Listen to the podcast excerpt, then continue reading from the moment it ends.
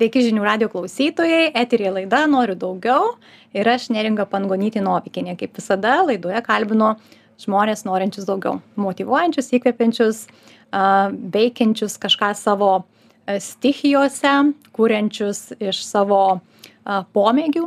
Ir šių pokalbių galite klausyti žinių radio eterija šeštadieniais ir sekmadieniais, o taip pat įrašus rasite žinių radio svetainėje. Šiandieną mano studijoje Meda Borisaitė, atlikėja, TV projektų dalyvė, buvusi verslininkė, kaip išsiaiškino, pakalbėsiu šiek tiek renginių vedėja. Tai labas, Meda. Labas, neringa. Etikečių yra tokių matomų, žinomų, populiarių. O kas Meda yra už šių etikečių šiandien? Be tų visų veiklų, ar ne? Taip. Šiaip net neįsivaizduoju, kas taip atrodo, kas visada taip girdi ir atrodo tiek daug visko darai, žinai, atrodo ir vedėja, ir tas, ir tas, bet kažkaip viskas labai gražiai susilieja į tą vieną visumą, žinai, stengiuosi viską apjungti į tą vieną vakas tą medą ir kad dabar seniau labai daug taškydavausi, o dabar kažkaip jau stengiuosi susikoncentruoti ir būt truputėlį tokia susikoncentravusi į vieną dalyką labiau. Suaugus, taip, taip, ne tai, kad pum, pum, pum, žinai, jau kad. Bet, bet aš taip tave kada pirmą kartą pamačiau, nes esam kraštietis ir e, žiūriu per televizorių vienam projekte, tokia įbėga visa ugninga mergina, sudainavo visą, užsidegus, už kurį visą publiką ir galvoju vau aš net nu nepažįstu nežinau nors nors pasirodo daug ko nežinau iš savo krašto. Ir toks vaizdas žinai moteris bomba visa netelpa viduje atrodo nori kažką išlieti. Tokia ir iš tikrųjų esi gyvenime ar tokia esi tik ant scenos? Aš gal labai visokia bet scena man padeda at tarsi išsilaisvint kad aš ten nueinu atsistoju ir aš taip pum įsijungia kažkoks man patinka nes žmonėm šventė. Ir ne tai kad pačiai pasirodyt kad vat žiūrėkit į mane aš čia dainuoju. Man patinka atnešt šventę su kuria visi atsipalaiduoja šoka dainuoja ir pamiršta aplinkui visam pasauly kokios bėdos bebūtų. Tai aš tokią šventę noriu atnešt ir man tai automatiškai kažkaip klinkt ir viskas. Taip, tokia, kaip suprantu, įkrenti į kažkokią tokią fazę, kur neina jos paaiškinti, kas atsitinka, o šiaip realiam gyvenime Kaip tu... tik aš sakyčiau, tokia intravertai tikrai ne, vis tiek gal ekstravertiškai, o čia to neįtų gal staiga išgamint, bet, bet nesu kažkokia ten atsikeliu ryte, yra žmonių, kurie atsikelia ir, wow, wow, wow, tą darysiu, tą darysiu. Man kaip tik aš tokia išlėtų, išlėtų ir ta energija tokia, jinai ištisai bet ne kaip bomba nesproginėjanti. Aš taip savo laiku viską mhm, nes šiaip žiūrint stebint iš šono atrodo bet gal tokie momentai tiesiog nu mes parenkam dažniausiai socialinėj erdvėj ką parodyti. Atrodo kad visada tokia energinga daug labai daranti veikianti ir va prieš tai šiek tiek kalbėjom kad ne tiek lyg ir daug pačiai atrodo, kad darai, bet išoriai aplinkai atrodo, kad visko labai mes taip daug darom. Tai vad kaip yra pas tave, kaip tau atrodo, kaip tu suspėjai su savo visom veiklom, nes jų yra nu, nemažai, ne viena tai atrodo pačiai kad normaliai darai ir pasižiūri į kitus ir lygini tikriausiai save su kitais tais žmonėm ką seki instagrame ar kitose platformose. Ir tada atrodo bet tai kiti ir tą daro ir tą o aš čia tik tiek. Ir paskui va kaip ateini kažkur kaip į laidą ir sako ir tą ir tą o gal aš tikrai nemažai darau. Tiesiog pas visus mus yra tiek pat dienoj laiko ir visi manau daug daro tiktai gal skirtingi tie darbai yra vat. Ir kitų mažiau jie matomi viešojoj erdvėj tai gal va taip aš irgi taip manau kad tiesiog žmonės kartais galbūt neįvertina kiek jie padaro jie nemato jie tiesiog ir kitais lengvė žavėtis yra daug lengviau negu savim. Savim visada atrodo aš per mažai aš nepakankamai. Ir tik retai retai kada kažkaip pasidžiaugi kažkuo bent jau man taip yra. O kitais atrodo va šaunuolis va šaunuolė ir tą ir tą o savim kažkaip atrodo kaip tik galėčiau daugiau geriau. Toks visada yra o tu pati savim džiaugiesi? Vat savo pasiekimais savo tuo etapu kuriame esi dabar ar dar negana kažko? Šiaip kai ramiai atsisėdi nurimsti ir pagalvoji tai aš esu labai patenkinta kažkada va taip sako e, jei prieš penkis metus būtum save pamatęs kur esi dabar ir ar džiaugtumeis tai aš viena aš negalėjau net pasvajo aš svajot gal bendriau svajodavau bet negalėjau patikėt kad tai kada nors kažkokiu būdu galėtų būt realybė. Bet atsiranda visoki bet tas geriau daro. Tai aš dar galiu kažkur žinomiau kažką daugiau dainų daugiau geresnių dainų. Nu tai toks konkurencija su savim atsiranda ir tada jau svarbiausia laiku sustot va tą neįsivelt Mhm. į tą užburtą ratą tokį kur niekada gerai nebus Mhm. Tai pagrįžtam dabar atgal e, nuo viso šito, kas vyksta dabar. Dar e, grįšim ir apie tai kalbėsim, e, grįžtant atgal į Marijampolę, į tą miestelį. Ir kaip aš suprantu, dabar vad ir girdžiu ir tavo akcentas iš tikrųjų niekur nedingęs. Aš taip, taip truputį stengiuosi paslėpti, paslėpti visiškai, jisai labai labai ryškus ir labai gražiai skamba. Tai a, Marijampolė, mažas miestelis, provincija ir vat meda mergaitė, visa pilna ugnies, su didelėm ambicijom, svajonėm. Ar tokia ir buvai vaikystė, tokia ir atsiminė tu save ir kiti tave pasakytų, kad va čia ir yra meda, jinai nieko nepasikeitė. aš manau kad artimiausi žmonės tikrai matė bet mokykloj tarkim tai man nepatiko labai išsiskirt nes sulaukdavau labai greito dėmesio nes ir taip tų veiklų daug darai ir tada jausdavau tokį pavydą ar iš klasiokių ar iš kažko. Tai aš labai stengdavausi tą kaip pasakyt ai čia nieko tokio aš kažkur sudalyvavau ar ten mane rodydavo per televizorių nes lankydavo tokį olele yra toks būdavo marijampolėj populiarus pas lapkauskaitę tai aš stengdavausi net nesakyt klasiokam kad mane rodys ar kažką kad tiesiog neišsiskirt ir kad mūsų tie santykiai nesugriūtų nes paskui prasidėdavo toki toki visokie. Tai aš tarp tokių nepažįstamų vat nu kaip klasiokų ir tokių kaip ir nedraugų tai stengdavaus tokia likt nepastebėta o jau šeima ir tie kurie mane tikrai žinojo draugai tai žinojo kad aš toks spirgutis O nebandydavo kažkaip nusodint, nuramint, ar atvirkščiai, ar palaikydavo, ar bandydavo sakyti, nu, prisėsk, būk savo vietoje. artimiausi tai ne kažkaip labai stiprų iš mamos tą palaikymą turėjau tai kažkaip gal ir ėjau su tokiu kaip dabartinis jaunimas nežinau su tokiu tikėjimu kad aš galiu viską. Žinot toks jaunatviškas tikėjimas viskuo. Bet aplinka tai žinoma mokytojai ypatingai labai muzikos mokytojai kurie turėtų tave labai palaikyt ir tarsi skatint. Tai susidūriau ne vieną kartą kur tu atvirkščiai aš dainuoju ir aš judu ir aš tokia kur atvirkščiai turėtų skatint ar ne? Ir sako tu nejudėk taip nesidaro. Rankos prie šonų ir tu išsiskiri sako. Ir tu turi taip. Ir tada atrodo kas man negerai aš galvodavau aš kažkas ne taip taip nesidaro.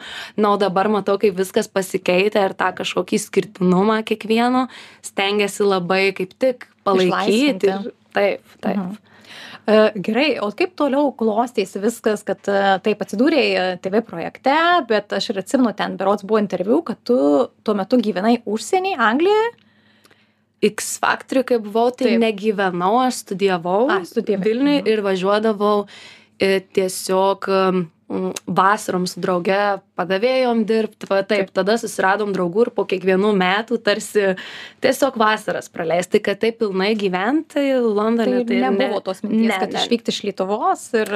turėjau tokią galimybę, bet kažkaip atrodo, aš vis tiek jau, pirmas mano projektas buvo 18 galbūt metų ir tada sekė kitas ir kitas ir aš jau žinau, kad nors ir labai mažai, bet viskas vis pajudėdavo link tos mano svajonės, kad turėčiau renginių, darbų, kažkokių dainavimų ir galvoju, aš taip kūriau visą tą ir tiesiog viską paleist vėjais ir aš nusprendžiau likt čia va būtent dėl to, kad tas prieš tai padarytas darbas nenueitų kažkur. Pasirinkai dainavimą, buvimą scenoje vietoj padavėjos darbo. nu, tai. Wow. tai man, aš manau, kad e, puikus pasirinkimas. Ar buvo kokiu nors kitų minčių uh, užsimti kažkokią kitą veiklą, na, tiesiog, sakykime, ten um, į kažkokią tai kompaniją dirbti, vadybininkę, administratorę, ar karjerą daryti, finansų, tiesiog, nu, tiesiog normalų darbą susirasti, ar buvo minčių? Ar esi Šiaip, kažką bandžius? Toks vienintelis, va, įdomus iš tikrųjų faktas, mano šeimoje nieks nedirbo kitam žmogui. Ir man matyt nuo vaikystės tiesiog, tiesiog tėvai dirbo savo visada. Taip. Ir mačiau ir mama, ir grožio saloną turėjo, aš tiesiog užaugau taip. e, kad visi susikūrė savo darbo vietas ir niekada niekam nebuvo, o vėl į darbą reikia keltis. Tai net mano uh, seneliai ir jie, ir viskas taip atrodo, kad močiutė iki šiol dirba savo mylimą darbą, nors jai 75 metai. Wow, jie nepaslaptis kokį? Jinai su drabužiais. 75 metų. Taip, ir turi savo klientės ir dar turi žmonių, kurie jai padeda. Tai man gal tas pavyzdys buvo, kad darbas, tas, kurį aš labai mylėčiau ir viskas bus gerai. Aišku, tų sunkumų, tu tik eidamas tuo keliu pamatai, kad ne tik viskas taip lengva, bet aš kažkaip nuo paauglystės žinojau kad aš dirbsiu sau toks niekada nesakyk niekada bet kaip ar buvo kažkokių kitų svajonių kad į kažkokį ofisą man tiesiog labai tolima gal taip atrodo nemačiau tokio pavyzdžio tiesiog. Mhm. o kur buvo tas lūžis kaip sakei kad tu bandei visada palaikyti tą savo svajonę kažkur ant scenos į kažkokį tai projektą ir vis vis pargrįžti dar padavėja padirbt ar ne vadinasi dar nepakankamai gerai dar manęs nepamatė nepastebėjau dar neiššoviau kas buvo tas lūžis karjeroje, kad jau um, pradėjai kilti aukštyn matomumas, žinomumas, populiarumas ir jau kelio atgal nebebuvo? Tai prieš pusantrų metų buvo toks realybės šou, kur mus stebėjo, nežinau, čia galiu pavadinimą sakyti ar ne, bet Galima. ne viskas įskaičiuota Aha. ir ten tiesiog iš tikrųjų sugalvojau taip ant bajerio nueit kaip ir nežinau bet pasirodė filmavo tenerifėj projektas ir nežino net apie ką bet kažkoks išlikimo užduotys kažkoks galvojau kad bus toks žinojau tikrai kad ne meilės į tokį tikrai nebūčiau ėjus bet kažkoksai gyvenimo vei nu toks vat kažkoks gyvenimo projektas ar ne. Ir aš pamačiau užpildžiau anketą man paskambino ir išvažiavom tą mėnesį į tenerifę kur mus filmavo dvidešim keturi septyni rodė. Ir taip pat kasdieną po laidą išeidavo per televiziją. Tai toksai kur aš tiesiog mano gyvenimas taip per tą mėnesį pasikeitė kad gal atrodo kažkam juokinga gal ne bet gatvėj pradėjo žmonės atpažint dabar tai gal jau nurimo vis tiek Mhm. bet tuo metu kai kažkas žiūri ir išeini ir eini palangoj ten basanavičiaus gatve ir žmonės prašo nusifotografuoti ir Bet čia toks, nebuvo kur- projektas susijęs su dainavimu, ar ne? Čia Visiškai buvo tiesiog iškėlė tavo žinomumą ir toliau jau tęsi karjerą savo srityje. taip bet aš prieš einant į projektą ir žinojau kokiu tikslu aš ten einu ir man kai kas vat ir dabar užduoda klausimą ką tau davė tarkim projektas arba kažkoks toks labai matomumas sako tu vis tiek nei televizijoj kažką dirbi nei kažką. Aš turėjau tokį labai žemišką tikslą. Aš norėjau parodyt kad daugiau žmonių pamatytų ką aš darau gyvenime. Tai yra renginių vedimas dainavimas. Ir kad sužinotų kad aš tokia esu. Ir viso projekto metu aš ne kažkokiais skandalais intrigom ar ten dramom ne tokiais būdais o aš organizuodavau visokius teminius vakarėlius žaidimus kad aš tiesiog buvau savim ir tą tą visą mėnesį transliavau ir paskui man tas atsipirko va taip tiesiogiai Tiesiog pasinaudoji nemokamu eteriu. taip kur tai vakarėlis prašom yra daug žmonių ir jei tu renginių vedėja man ten tobula vieta buvo Okay. tiesiog Grįžai po projekto um, Lietuvą, nugalėtoja, kaip Taip, atsimenu, taip. ar ne?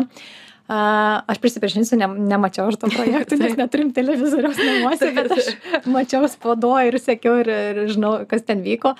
Tai grįžai Lietuvą, pasitikta su žalovininkais ir, ir, ir žurnalistais, ar ne? Vokaujam. Vaikino su gėlėm gal labiau. Ar ne atsirado.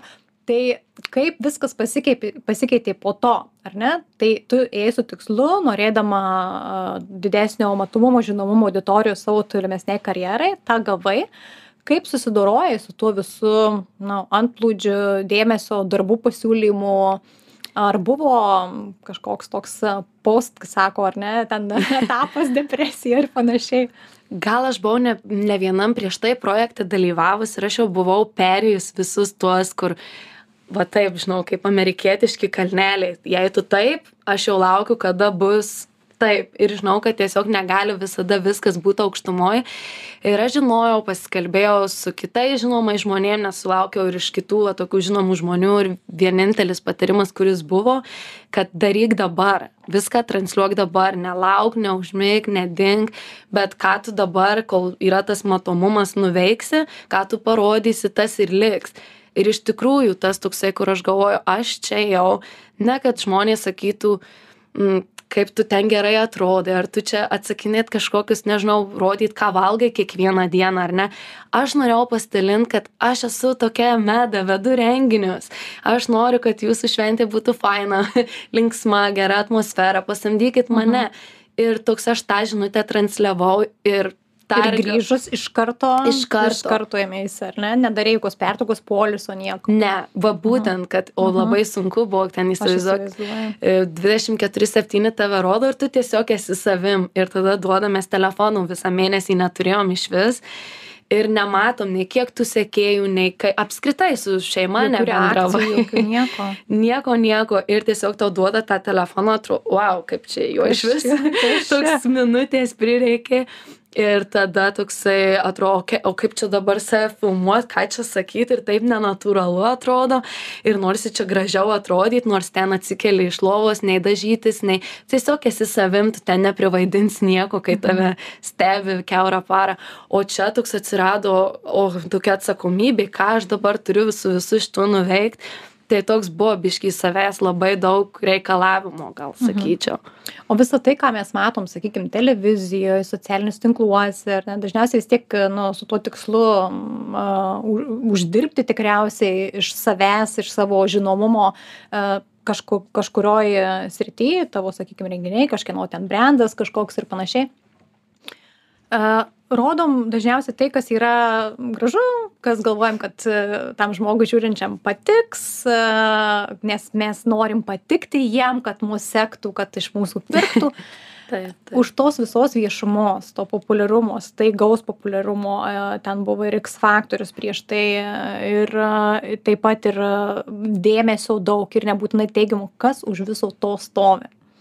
Bet kokia to viso, viso kaina, nes aš, aš tikrai nepatikėsiu, kad tai yra tik didžiulis malonumas. tai būna tokių dienų bet aš sakyčiau kad aš taip sau buvau pasakius savo šeimai ir vat sužadėtiniui kad sakau aš nedarysiu to jeigu man daugiau bus neigiamo nekelsiu į socialinius tinklus ten ypatingai tiktokas yra vau ten komentatoriai yra Pažengę. tikrai tikrai kas kas instagrame tikrai retai sulaukia arba net nesulaukia kažkokio neigiamo tai tiktoke yra ten kita erdvė žmonių ir aš taip pasakiau tu suprantu kad gali kai tau kaž man yra kažkokia nuotaika ar liūdnesnė šiaip dėl kažko tada aš jautriai priimu ir tą kažkokį pasakytą komentarą ar žinutę kurią man parašo.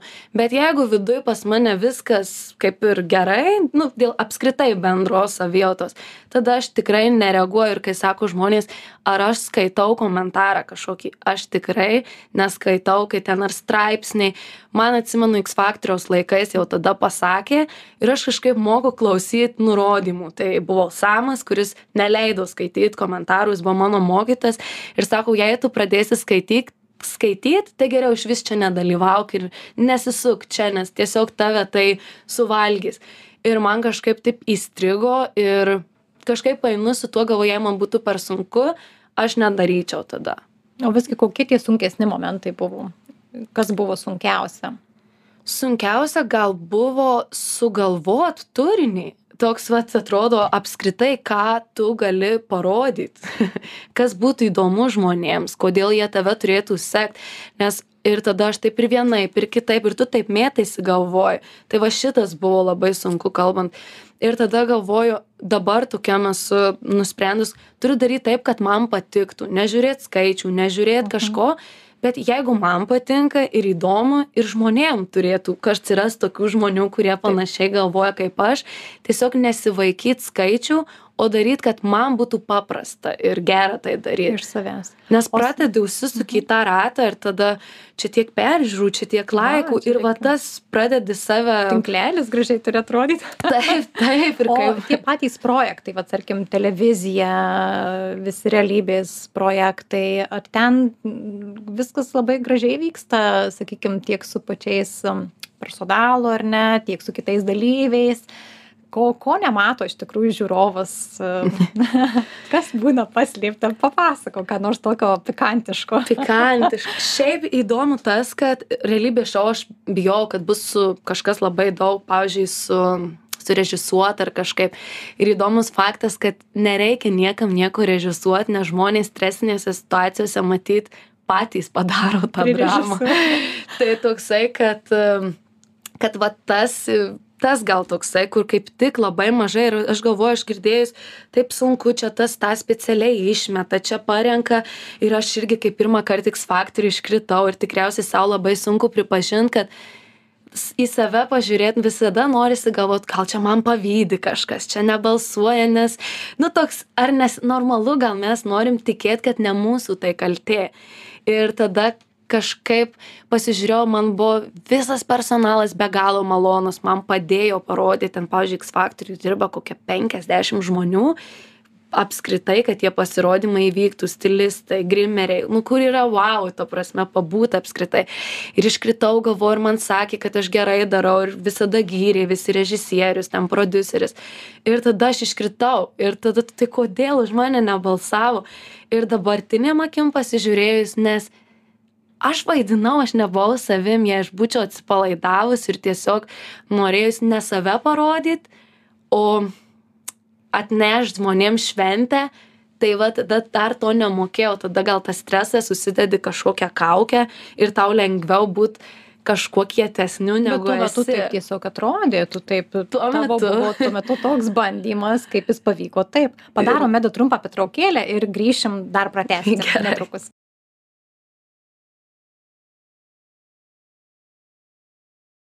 Tęsime pokalbį su Meda Borisaitė, e, atlikėja, renginių vedėja, apie jos e, visą istoriją, kaip nuo svajonių, ambicijų ji e, atėjo iki šiandieną, kada yra e, labai kviečiama įvesti įvairius renginius ir e, žinoma Lietuvoje, taip pasakyčiau. E, Tai Meda, jeigu atsuktum laiką atgal, e, kažką darytum kitaip, greitesnį kažkokią kelią pasirinktum ar kažko visai nedarytum. Šiaip a, pasakyčiau labai paprastai, svajonės yra labai gerai, bet aš ilgai laukiau, kol mane kažkas pastebės, kažkas kažką pasiūlys. Ir dabar suprantu, kad nebus taip. Tiesiog, sako, kartais tau pasisekė, tau pasisekė, man pasisekė tik dėl to, kad aš labai daug darbo įdėjau.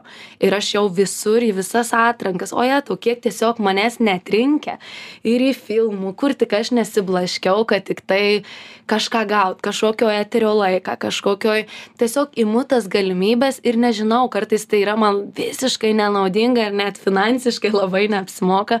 Bet aš tiesiog ėjau, darau, darau, darau ir kiekvieną dieną vis tiek turi tą savo bendrą kažkokį tikslą ir galvoju, ką kiekvieną dieną aš galiu dėl jo padaryti. Tai gali būti labai mažai, o kitą kartą labai daug.